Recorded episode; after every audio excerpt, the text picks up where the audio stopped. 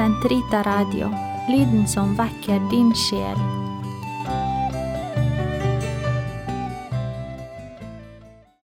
Lovet være Jesus Kristus, og velkommen til katekese for konfirmanter og unge voksne. Det er to uker siden sist, så jeg minner om hva vi snakket om. Det var om synd, hva den er, og om de ti bud, og at å følge dem setter oss fri fra synd og frigjør oss til å elske og oppnå det høyeste gode, altså Gud selv.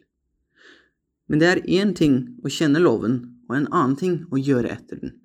Som Paulus sier i romerbrevet, ikke de som hører loven er rettferdige for Gud, men de som gjør etter loven skal bli rettferdiggjort.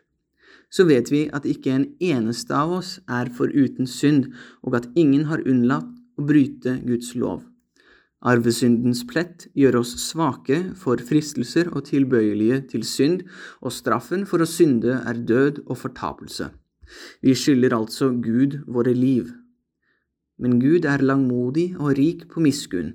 Han ser i nåde til sitt folk og kommer selv til jorden for å ta straffen på seg, ikke bare så vi har mulighet til å unnslippe fordømmelse, men også så vi kan vinne hellighet og være i stand til å holde lovens bud frivillig. Begynnelsen på denne frelsen feirer vi til jul. Vi feirer at Gud, sønnen ble menneske og fødes av jomfru Maria. Fullendelsen av frelsen feirer vi til påske, hvor Kristus, Gud blitt menneske, i lydighet til sin far, lider og dør for våre synder på et kors, og så står opp fra de døde.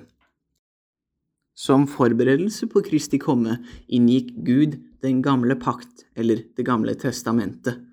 I Det gamle testamentet forbereder Gud menneskeheten på denne nye pakten med gradvise og steg bestående av hva vi kaller loven og profetene.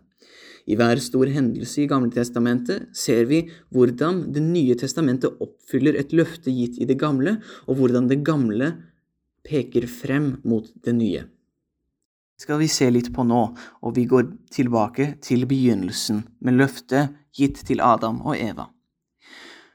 La oss huske Gud skaper menneskene i sitt bilde.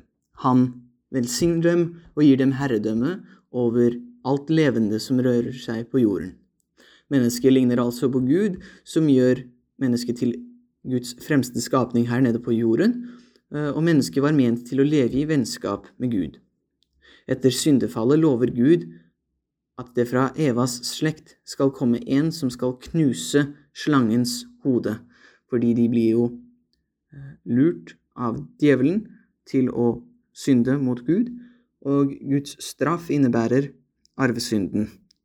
Men Gud lover at det fra Evas slekt skal komme en frelser, en som skal knuse djevelen og, syndens makt. Så går vi videre til vi kommer til Noah.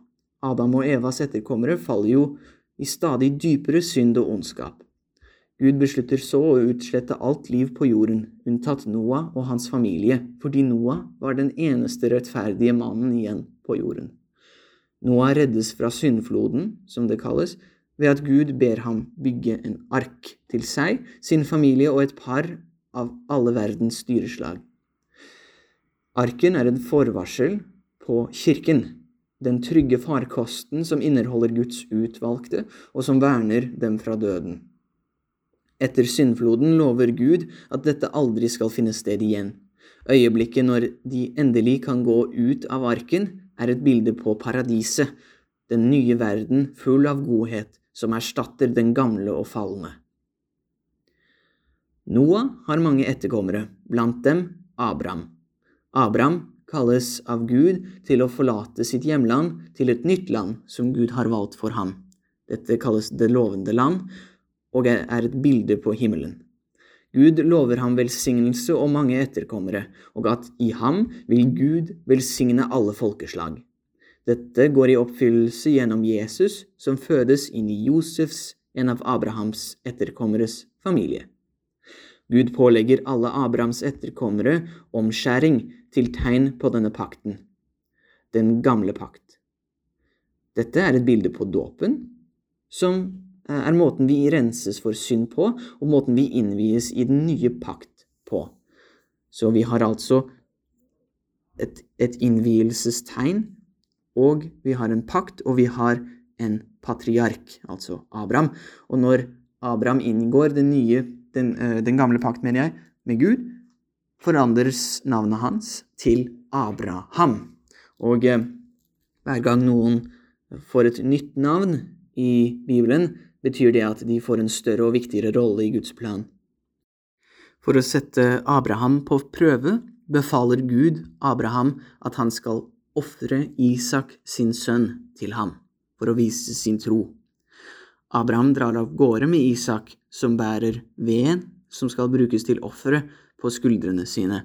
Dette er et klart bilde på Jesus, et offer slik som Isak, som bærer korset på skuldrene i lydighet til sin far. Før Abraham rekker å ofre Isak, griper Gud inn og gir ham et lam som kan ofres istedenfor Isak. Dette lammet er et forvarsel om Jesus, Guds lam, som skal ofres istedenfor menneskene til deres frelse. Isaks sønn Jakob blir opphavet til israelsfolket. De vokser seg sterke, men blir så gjort til slaver i Egypt. Gud velger Moses som sin talsmann, som skal lede folket ut av Egypt.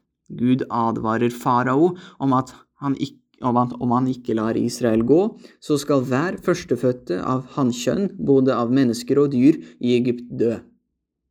For at Israel skal vernes fra denne skjebnen skal de slakte et lam og smøre blodet på dørkarmene sine, slik at dødsengelen kan gå forbi. Ordet påske, pesach, på hebraisk betyr å gå forbi, og dette er den første påskefeiringen, og der vi har påskefeiringen fra. Og eh, at blodet smøres på treet, eller bres ut over treet, er jo et klart forvarsel på Jesus som utgyter sitt blod på korset. Etter denne straffen slipper farao Israel fri, og de flykter ut i ødemarken. Hele veien verner Gud dem og mater dem med manna, brød fra himmelen. Fortellingen sier oss svært mye som kristne i dag. Påskelammet ofres for Guds folk så de kan flykte fra Egypt ut i ørkenen, der de mettes av himmelsk brød slik at de til slutt kommer inn i det lovende land. Lovende land. For oss kristne har vi også et offerlam, Jesus Kristus, som ofres for oss, sånn at vi kan unnslippe slaveriet, syndens slaveri, ut i ørkenen eller ut i livet på denne jorden, som er som et, en pilegrimsferd gjennom ørkenen, slik at vi til slutt kan nå frem til det lovede land, eller himmelen, og på veien mettes vi med himmelsk brød, eller eukaristien, Jesu Kristi legeme og blod. Så, eh, i, i, ørkenen, eh, mottar Moses den gamle lov. Eh, han går opp på Sinai-fjellet, eh, og der får han annet de ti bud eh, av Gud som eh, Guds folk skal holde.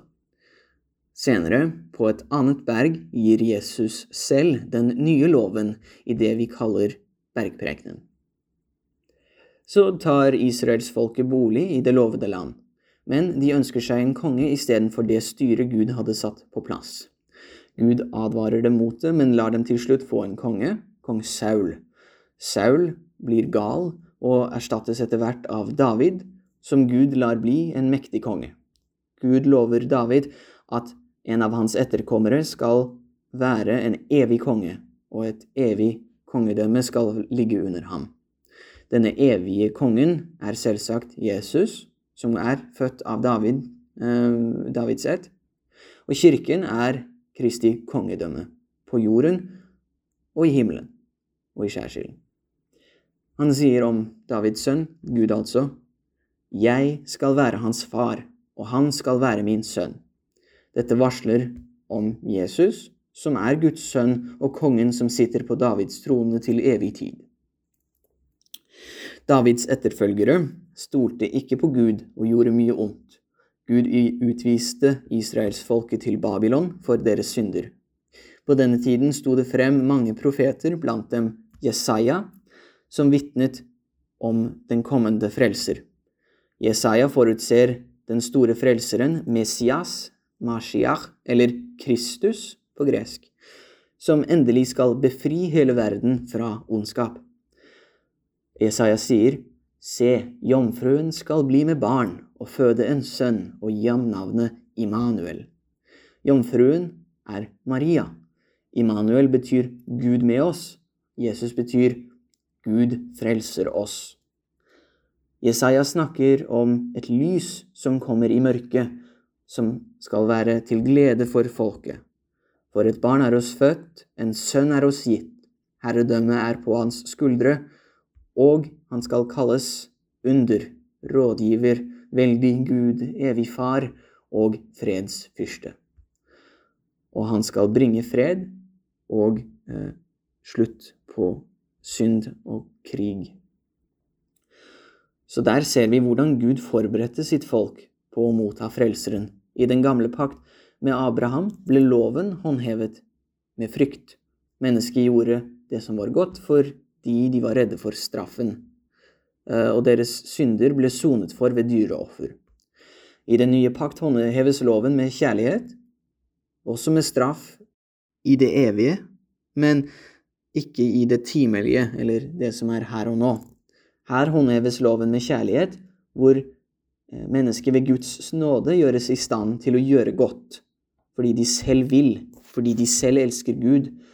Våre synder ble sonet for ved Kristi offer på korset, og vi oppnår tilgivelse for våre synder ved å bekjenne dem i skriftemålet og ved å virkelig angre på dem.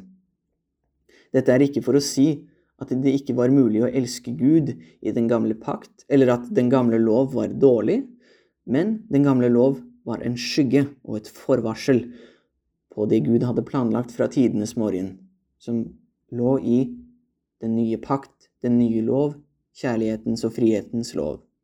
Neste gang skal vi se på den nye pakt i personen Jesus Kristus, som i sin person oppfyller alle løftene og profetiene i den gamle pakt. For han kom ikke for å oppheve loven og profetene ikke for å oppheve, men for å fullbyrde dem. Jord og himmel skal ikke forgå før hver minste bokstav og hver eneste tøddel i loven har funnet sted. I Faderens og Sønnens og Den hellige ånds navn. Amen.